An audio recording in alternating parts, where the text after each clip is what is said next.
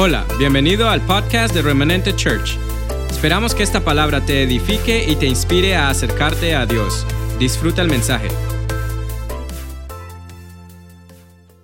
Bendiciones familia, bendiciones. Bendecimos a todos nuestros padres, bendecimos a nuestros líderes, a nuestro apóstol, bendecimos a cada una de las personas que Dios ha usado en el proceso de paternidad desde que hemos tenido uso de razón. Hay abuelos que han hecho de padres, hay tíos que han hecho de padres y no queremos dejar pasar este día sin bendecir la vida de esos hombres esforzados y valientes. Pero bueno, vamos a lo que vinimos, vamos a la palabra. Yo quiero que en esta mañana todos juntos desarrollemos Juan 17, el Evangelio de Juan en el capítulo 17. Cuando estaba estudiando esto, saltaba los próximos tres capítulos y ya está Jesucristo resucitado. Tres capítulos antes de él volverse a encontrar en el cielo con su Padre, tuvo un diálogo. Yo quiero que hablemos mucho del Padre. Aprovechemos que hoy estamos con, con, con la celebración del Día del Padre, quiero que celebremos todo lo que Dios ha sido para tu vida y para mi vida. Y quiero que juntos desarrollemos el libro de Juan en el capítulo 17. Jesús ora por sus discípulos. Jesús oró por ti y por mí, tres capítulos antes de él volverse a encontrar con el Padre. Yo le hacía una pregunta al Señor. Yo pienso que cuando yo me encuentre con Dios, yo voy a ser una de esas tantas, de tantas hijas de Dios que va a hacer una y muchas y muchas preguntas. Y creo que muchas de las personas que están conmigo en este momento en, el, en Facebook Live van a estar de acuerdo. Tenemos muchas preguntas que hacerle a Dios. Y una de las preguntas que yo tenía y que el Señor o la palabra me respondió es por qué el Señor nada más tuvo un solo hijo en el cielo. ¿Por qué solamente Jesús? ¿Por qué no hubieron dos, tres, cuatro Jesús? ¿Por qué no hubieron una provisión diferente? Y estudiaba y oraba y sentía de parte de Dios, así como nada más tuve a Jesús, nada más te tengo a ti, a ti y cada uno de los que nos están viendo en las redes sociales. Dios nos hizo único y con un propósito definido. Por eso, no busques, no busques la perfección en otra persona. No busques que tu iglesia sea igual a otra iglesia, que tu esposo se parezca a otro esposo, que tus hijos, aún dos, tres, cuatro hijos que tengamos, ninguno se parece al otro. No busquemos que hayan dos o tres personas como tú, como yo, como las personas que admiras. Dios nos hizo únicos. Dios entregó a su único hijo para que tú y yo en esta mañana, tú y yo en esta pandemia mundial, tú y yo en, esta, en este nuevo comienzo, tengamos palabra, tengamos fortaleza, tengamos la certeza de que el Señor entregó a su Hijo por ti, por mí, para la eternidad y vamos a desarrollar este tema. Dice, dice Juan 17, estas cosas habló Jesús levantando los ojos al cielo hermanos, amigos, conocidos, todo el que vaya a escuchar este mensaje, es necesario que en algún momento usted y yo nos detengamos y levantemos los ojos al cielo. Iglesia de Dios, es necesario que en este tiempo levantemos los ojos al cielo. El salmista decía, ¿de dónde vendrá mi socorro? Tu socorro, mi socorro, mi respuesta, mi abundancia, mi provisión, mi salud, mi tesoro, mi herencia, mi salvación viene de Jehová de los ejércitos. Iglesia, quita los ojos de lo que estás viendo en este momento. Quita los ojos de la política, quita los ojos de la publicidad, quita los ojos de las redes sociales y pon los ojos en el cielo. Por un momento, un momento en el día, levanta tus ojos y ten una conversación con el Padre. Si bien es cierto, Él siempre está alrededor nuestro, pero aún su Hijo, aún su Hijo que sabía lo que le venía, si usted lee Juan 17, 18 y 19, Él dice, Él sabía lo que vendría, Él sabía que iba a volver en gloria al Padre, mas sin embargo, Él levantaba sus ojos y dice, Padre, la hora ha llegado. Glorifica a tu Hijo para que también tu Hijo te glorifique a ti. Como les ha dado potestad sobre toda carne, para que dé vida eterna a todos los que les diste. Y esta es la vida eterna. Mucho cuidado en esto. Esta es la vida eterna, que te conozcan a ti, el único Dios verdadero y a Jesucristo a quien has enviado. Iglesia, la vida eterna no comienza cuando nos morimos y vamos al Padre si tenemos a Jesucristo como nuestro Salvador.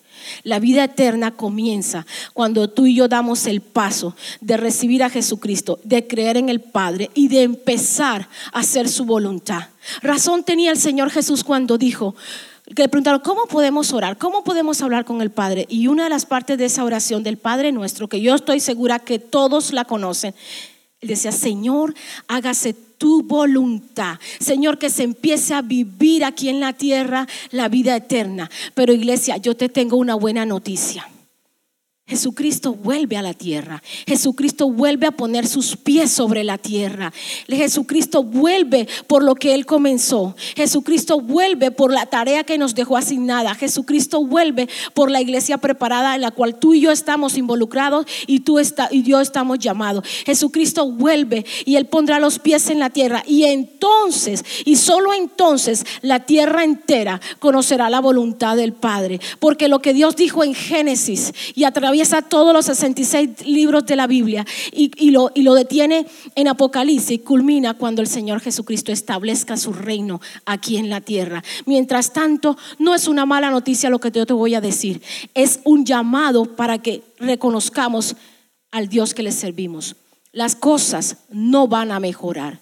Bíblicamente las cosas dice que los tiempos se pondrán peores. Y si, caminamos un poquito más en la Biblia, vamos a ver todo lo que el Señor dijo que iba a pasar. Las cosas no se van a mejorar, pero el Señor dijo, en el mundo van a tener aflicción, pero yo ya vencí el mundo. De esta conversación se trataba Juan 17. Él venció al mundo. La tierra clama porque tú y yo nos manifestemos. La tierra clama ese tiempo, pero aún la misericordia de Dios ha alargado los días, no en minutos ni en momentos, porque si nos damos cuenta los días son más rápido, pero cada día es un regalo de Dios para ti, para mí, para que ejerzcamos la labor que Él nos encomendó aquí en Juan. Dice, el único Dios verdadero Jesucristo a quien has enviado. Yo te he glorificado en la tierra. He acabado la obra que me diste que hiciese. Ahora pues, Padre, glorifícame tú al lado tuyo con aquella gloria que tuve contigo antes que el mundo fuese. A esto yo le llamo, cuando hablo de cosas tan profundas como esta que habla Jesucristo, dice, antes de la fundación del mundo. Para mí esto es como Génesis menos uno. Todavía no existía el Génesis, todavía no existía. Y él dice, esa gloria que estaba yo contigo a tu lado, a esa gloria a la cual yo renuncié para hacer tu voluntad. Iglesia que me estás escuchando, a veces es necesario reconocer que las cosas no están pasando como deberían pasar porque estamos haciendo nuestra voluntad. Volteemos nuestro rostro al Señor y hagamos la voluntad de Dios, porque la buena voluntad de Dios es agradable y es perfecta, nos da el fruto que esperamos. Pero mientras tú y yo hacemos nuestra voluntad, nuestros planes, nuestras decisiones, Él está sentado esperando que levantemos los ojos al cielo. Él tiene la respuesta, Él tiene el camino, Él tiene las personas indicadas, Él tiene las puertas para abrirlas, pero nosotros estamos ocupados haciendo nuestra voluntad. Es tiempo de hacer la voluntad. Cuando el Señor Jesús le dice al Padre, glorifícame al lado tuyo con aquella gloria que tuve contigo antes que el mundo fuese. La palabra dice que el Señor no escatimó, el Señor no puso por peso toda esa gloria, todo ese bienestar, todo es, esa gloria poderosa del Padre, de su, de su lugar al lado del Padre, por venir a dar su vida, como decía la canción. Él llevó en sí mi castigo, tu castigo, el castigo de Adán y de Eva, para darnos herencia, para darnos gloria, para darnos vida eterna. Pero hubo algo que él tuvo que hacer. Él decidió obedecer. De aquí me quiero detener un poquito, iglesia. No hay nada más poderoso para el ser humano y el mismo Dios nos los entregó. No hay nada más poderoso que tener el dominio propio y cambiar nuestra manera de pensar. Cambiar nuestra manera de pensar.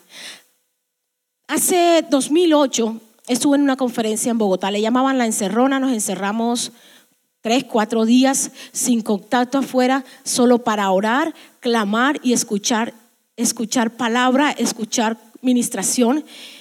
Y una de las cosas que yo escuchaba de parte de Dios, y cuando digo escuchaba de Dios, es que tú sabes, que tú sabes, que tú sabes que Dios está aquí, porque mucha gente dice, a mí Dios no me habla.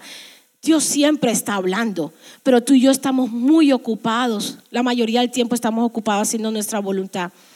Y una de las cosas que el Señor me enseñó en esa encerrona, y era que de una forma que Dios me iba a usar a mí, era poder ayudar a los pastores, a los líderes y a los hombres y mujeres del reino a que reconocieran las situaciones que ellos estaban batallando. ¿Por qué traigo esto en medio de esta enseñanza?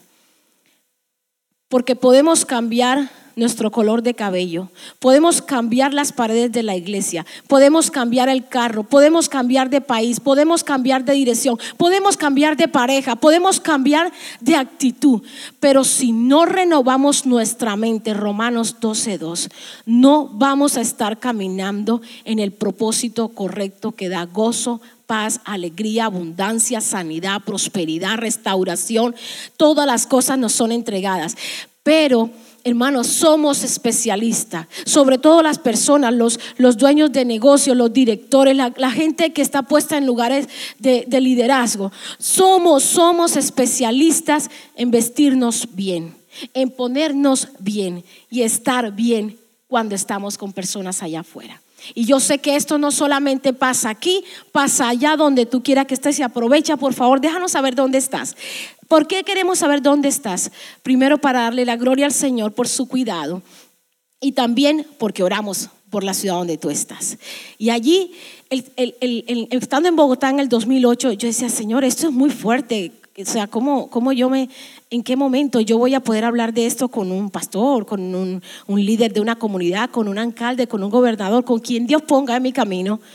Iglesia, 12 años después aquí me tiene Dios en las redes sociales diciéndote, líderes, pastores, apóstoles, padres, hombres y mujeres de negocio, es necesario que renueves tu mente. Yo sé que sé que sé que Dios está hablando a más de uno, porque allá afuera podemos hacer muy buenas cosas, pero cuando nos quedamos solos con el Padre, solos en la casa, cuando nos quedamos con tú con Dios, yo con Dios, y a veces hasta nos sentimos solos, decimos, pero ¿por qué no me siento bien? ¿Por qué tengo esta lucha? ¿Qué es lo que está pasando conmigo si Dios me ha dado todas las cosas? Dios ha sido bueno. Déjame decirte, es necesario que tomemos hay una cosa mucho mayor, mucho más fuerte, mucho más poderosa que las emociones. Quiero decirte, son las decisiones. Iglesia, es tiempo de tomar la decisión de vivir a plenitud esto que Dios nos ha dado. Es necesario vivir a plenitud el Evangelio, a plenitud el predicar y ver que las almas se salvan, a plenitud de predicar santidad, sanidad, liberación. Ya las iglesias, muy pocas iglesias caminan en el ministerio de la liberación. Mucha gente que pasa alrededor de, de nosotros, sabemos que sabemos que necesitan. Hey, voltea el rostro al Señor el Señor me muestra que en ti hay, brujería, que en ti hay, ataduras, que en ti hay dolor profundo del pasado, que en ti hay necesidad de un abrazo.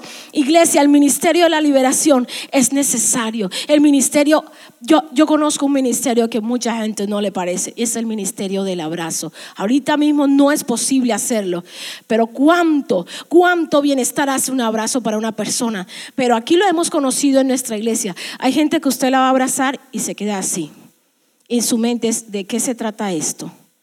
¿De qué es? ¿Por qué me está abrazando tanto? Me siento extraño, me siento invadido. Déjate abrazar por el Padre. Señor, dile, dile en la intimidad, Señor, abrázame. Oh, eso es maravilloso, iglesia. Señor, abrázame. Señor, consuélame. Señor, libérame. Señor, muéstrame que tengo que cambiar en mi manera de pensar. Y sabes qué? El Señor Jesucristo dijo, yo me voy yo me voy, pero le voy a enviar el ayudador. Y el Espíritu Santo que está aquí con nosotros, que está en el lugar donde tú estás, que está donde vas a ir mañana, pasado y todos los días que te queden en la tierra, está para ayudarte. Espíritu Santo, ayúdanos y déjanos saber cuáles son las decisiones que tenemos que tomar. Hermano, no son solamente decisiones a nivel de iglesia o a nivel espiritual. Son decisiones de comportamiento, decisiones de alimentación, decisiones de inversiones, decisiones de carácter, decisiones. Las decisiones de la mano de Dios son mucho más poderosas, poderosas que las emociones en donde siempre hemos caminado. Ya hemos caminado mucho tiempo en las emociones. Usted se imagina, yo pensaba, ¿qué sería si el Señor Jesús se deja llevar por las emociones? Porque Él sabía lo que venía. Si Él se deja llevar por las emociones y decide quedarse donde estaba mejor, porque lo más lógico es que tú y yo decidamos quedarnos donde nos sentimos mejor. Muchas veces no es así el llamado de Dios.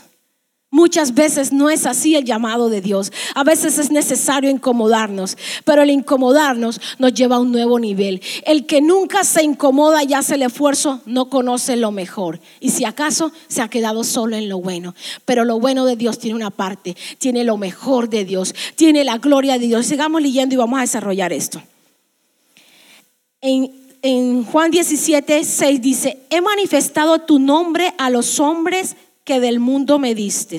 Tuyos eran y me los diste. Han guardado tu palabra. Ahora han conocido que todas las cosas que me has dado proceden de ti.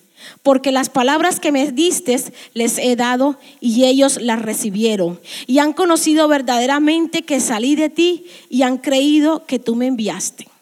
Yo ruego por ellos, no ruego por el mundo, sino por los que me diste, porque tuyos son y mire qué hermoso esto. Y todo lo mío es tuyo y lo tuyo mío y he sido glorificados en ellos. Jesús sabía, Jesús sabía que cuando un hombre y una mujer de Dios camina en la verdad de Dios, camina en lo que Dios ha dicho, Él se glorifica. Porque no, no somos tú, no somos yo, quienes colocamos las manos en los enfermos, quienes hacemos una llamada. Iglesia, ya, ya la tecnología está a favor nuestro hace mucho tiempo y está esperando que la usemos. Usted levanta su teléfono ya mucha gente no contesta llamadas, pero deje un mensaje de voz. Ore por esa persona. Declare sanidad, liberación, restauración. Y usted verá, usted verá de vuelta la llamada, usted verá de vuelta el mensaje. Pero hemos estado demasiado confiados en lo que se hacía a nivel de iglesia. Aquí estamos, está todo el templo vacío. ¿Y qué pasa si no nos pudiéramos volver a reunir este año? La iglesia sigue creciendo. Iglesia, la iglesia de Dios ha seguido creciendo. ¿Qué pasa si, por, mire hermanos, es tiempo, hoy más que nunca, de cuidarnos mucho más del virus? Seamos responsables con nuestras mascarillas, seamos responsables con la distancia social y quedémonos en casa las veces que podamos escoger quedarnos en casa y podamos hacerlo. El virus no ha cambiado, el virus no hay cura todavía, el virus todavía están investigando. No creamos que porque la gente salió, usted y yo somos inmunes porque tenemos el poder de Dios. No seamos así. Seamos conscientes de que hay que cuidarnos. Estamos planeando abrir los templos nuevamente, pero iglesia, lastimosamente, lastimosamente la gente, no estoy hablando específicamente de personas, no se me vaya a ofender nadie, pero la gente no está respetando la distancia social por el amor fraternal, porque tengo muchos días que no te veo y tampoco sé con quién has estado y te doy un abrazo como si no hubiese un virus. Iglesia, seamos prudentes en el nombre de Jesús. Creamos que Dios nos sana, pero evitemos enfermarnos. Evitemos enfermarnos y enfermar a otros. Sigamos. El Señor decía, ya no estoy en el mundo, mas estos están en el mundo.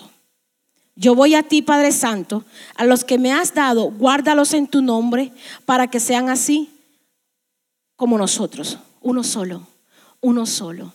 Yo tengo muchos pasajes favoritos, pero lo, he dicho muchas veces, uno de mis pasajes favoritos, y que no me lo sé de memoria, y si alguien lo, ahora que lo empieza a parafrasear lo quiere escribir, qué bueno.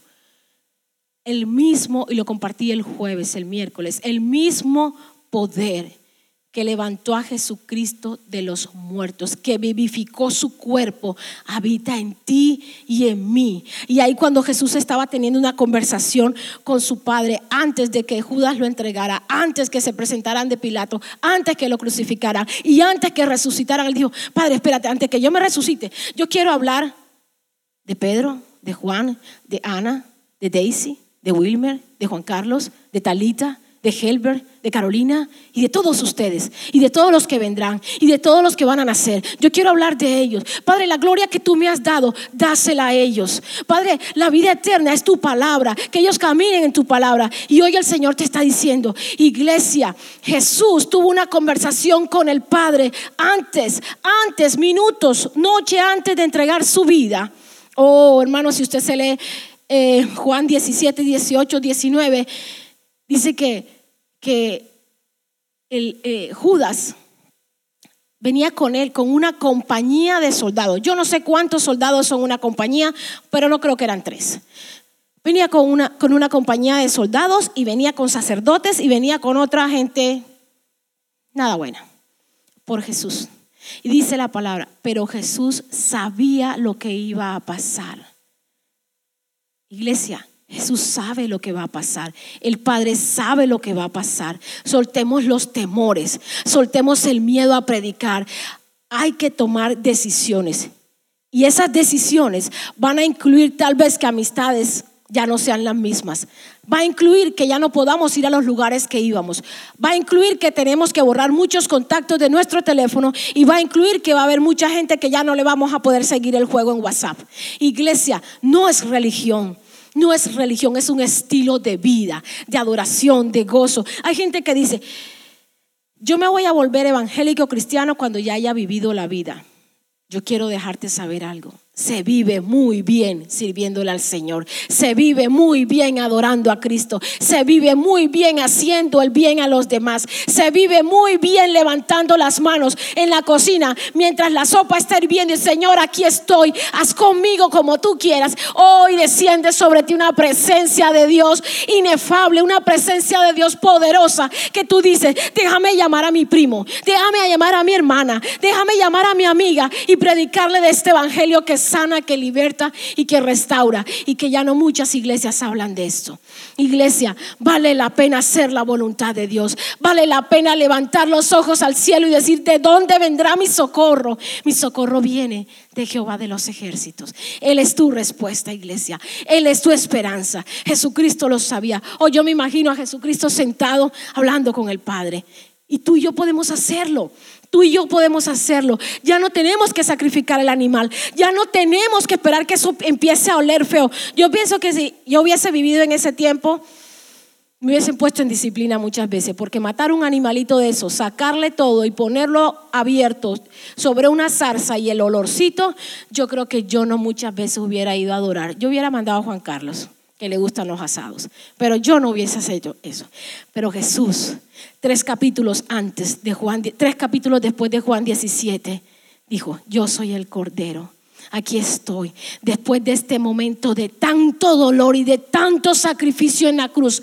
Iglesia, nunca más tuvimos que buscar un cordero, sacrificarlo y ponerlo en un asadón y esperar que ese fuego fuera agradable a Dios y que oliera grato. No creo que oliera grato, pero tu presencia, oh Señor, en nuestra vida huele muy bien y hace mucho bien. Iglesia, no necesitamos buscar un cordero. Ya el cordero vino, ya el cordero murió y y al Cordero está sentado a la diestra del Padre. ¿Y sabe qué es lo más lindo? Él dice, aquí está mi Padre, a la diestra estoy yo, Señor, y todos los que me entregaste, todos los que me entregaste, aquí, siéntalos en mi diestra, en mi falda, en mi regazo. La palabra dice que estamos sentados en Cristo, junto a Él. Entonces, porque si fuese lo contrario, si usted se murió en el año 3 antes de Cristo, eh, perdón, si alguien se muere en el año 3 después de Cristo, y los que se mueran hoy en el 2020, usted se imagina en, qué lado de la silla le tocaría. En la silla 3.465.000. No, no. Él dice que estamos sentados al lado en Él, en Cristo Jesús. Y en esa conversación Él lo dijo. Y sigamos leyendo. Y el Señor dice, cuando estaba con ellos en el mundo, yo los guardaba en tu nombre. a los que me diste, yo los guardé. Y ninguno de ellos se me perdió, sino el hijo de perdición. Ahí ya no había nada que hacer. Eso estaba. Eso estaba y tenía que pasar. Para que la escritura se cumpliese. No hay nada. No hay nada que no esté escrito en la bendita palabra de Dios que no se vaya a cumplir. Tu nombre está escrito en los libros del Señor y tu vida el Salmo 139 dice que está escrito todo lo que iba a pasar contigo, con tus hijos, con tus nietos, con tus tataranietos, con tus tras, tras, tras, tras nietos, con todos ellos, la voluntad de Dios. Si hay alguien en tu familia, en tu generación, que se levanta y hace la diferencia, verás cumplida la voluntad. El domingo pasado y en la semana estuvimos hablando acerca de familia. Aquí había una relación del padre con el hijo. Le decía, tú y yo somos uno. Padre que me estás escuchando. Es tu responsabilidad, no la de tu esposa. Es tu responsabilidad levantarte. Levantarte cuando tu esposa y tus hijos están durmiendo y ir al Padre y tener una conversación con Él. Padre, me está yendo muy bien. ¿Qué hago? ¿Cómo dirijo todo esto? Padre, me está doliendo mucho. ¿Qué hago? Padre, no sé qué hacer. ¿Qué hago? No es sabio, Padre, que me estás escuchando, pedir consejo a otro hombre que tal, vez necesita más ayuda que tú. Ve y busca a Dios. Ve y busca a Dios y Dios te dará la dirección con quién hablar, con quién hablar de tu situación. Padres, es necesario dar su vida por lo que una vez ustedes decidieron quién fuera su pareja y los hijos que crearon. Es necesario correr la milla extra, es necesario negarte para ellos. Es necesario decidir, tomar la decisión de que tu familia sea la nueva generación de los tuyos, que sean los primeros en hacer el cambio. Que sean los primeros, si no, si no hay antes de ti, déjame decirte, es un llamado de parte de Dios para que tú hagas la diferencia y para que tú seas el punto de referencia. Isaías 43 dice, yo te llamo para que seas testigo de que yo soy Dios, dice el Señor. Dios te llama, hombre que me estás escuchando o que vas a escuchar esta enseñanza. Dios quiere que tú seas testigo de que Él es Dios que sanó tu hogar, que Él es Dios que te dio la provisión, que Él es Dios que te devolvió la salud. En esta hora hablamos salud a toda persona que está enferma, a toda persona que nos está escuchando, a toda persona que necesita un milagro en el nombre de Jesús. Karen, bendecimos tu vida. Guillermo, bendecimos tu vida en el nombre de Jesús. Isaías 53 es declarado sobre cada cuerpo enfermo en esta mañana en el nombre de Jesús. Y así vamos a terminar un poco con, con Juan, con Juan 17. Y el Señor le dice, le dice a su papá, pero ahora voy a ti y hablo esto en el mundo, para que mi gozo cumplido en sí mismo yo les he dado tu palabra y el mundo los aborreció, porque no son del mundo, como tampoco yo soy del mundo. No ruego que les quites del mundo, sino que los guardes del mal. Hay gente con la que yo he hablado y dice, yo no entiendo cómo así que ustedes no son del mundo, pero que están en el mundo, pero que el mundo, que el mundo les rechazó. No es el mundo, tu hermano, tu prima, tu, tu, compañero de trabajo. No es ese mundo al que se refiere la palabra. Se refiere al sistema. Al sistema. No podemos. Por eso es que la iglesia. Ahí voy a tocar un tema muy, muy leve, pero muy profundo. La iglesia no está llamada a ser política. La iglesia está llamada a establecer el reino de Dios. Si bien es cierto, usted tiene que enterarse, usted tiene que informarse y usted tiene que obedecer las leyes del país donde Dios le ha puesto a vivir. La iglesia no hace política. La iglesia adora a Dios, predica a Cristo, lleva salvación y ayuda al necesitado. Eso hizo Jesús y eso dijo, mi palabra es implantado en ellos y eso tiene que hacer la iglesia del Señor. Por eso el mundo, el sistema no nos entiende. Por eso el sistema, yo hablaba con alguien y le decía, 2020 te quedan seis meses. En los próximos seis meses, en el nombre de Jesús, yo creo, yo declaro que a mí el, año 2020 que Dios creó, Dios no creó nada malo. Dios creó este año, se cumple lo que Dios dijo. Antes que se vaya el 2020, se cumple lo que Dios dijo para mi vida, para tu vida en este año.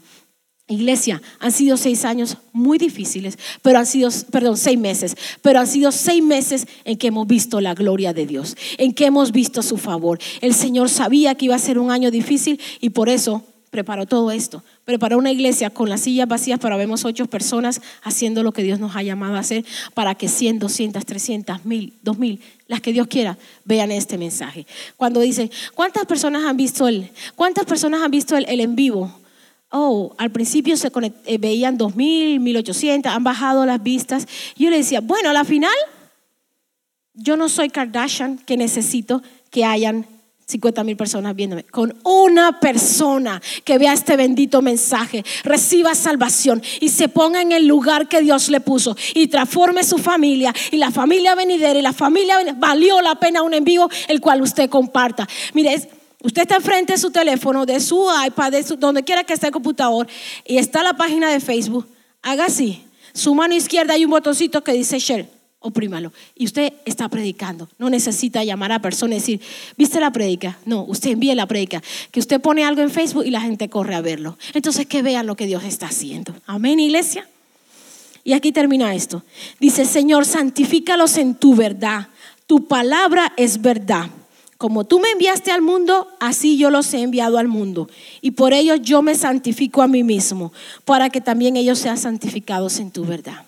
Iglesia, yo declaro en el nombre de Jesús que tu verdad, que tu santidad es en medio nuestro, Señor. Que tu verdad, Señor, nos abraza. Que el sacrificio de la cruz se vuelve el diario vivir de nosotros. El precio que Él pagó en la cruz no se nos olvide nunca, pero tampoco se nos olvide el gozo de la salvación. En ti y en mí hay un peso de gloria, hay un peso de gloria. ¿Qué es un peso de gloria? Usted coja un balón de basquetbol o una bola de bolos y abra una sábana y coloque esa bola en la mitad de la sábana y usted verá cómo la figura de la sábana cambia y el peso hace que descienda. Así es, el peso de gloria que hay en ti y en mí hace que la gloria del Padre descienda. La verdad mirará desde la tierra, que es la verdad, dice el Señor Jesucristo. Mi palabra implantada en ellos.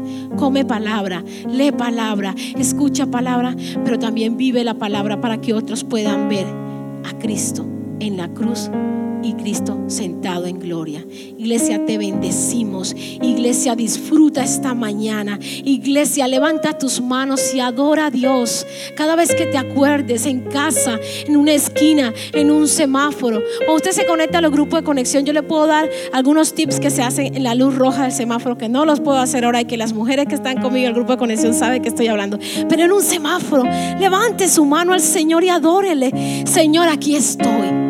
Señor, aquí estoy. Dile al Padre, aquí estoy, lléname.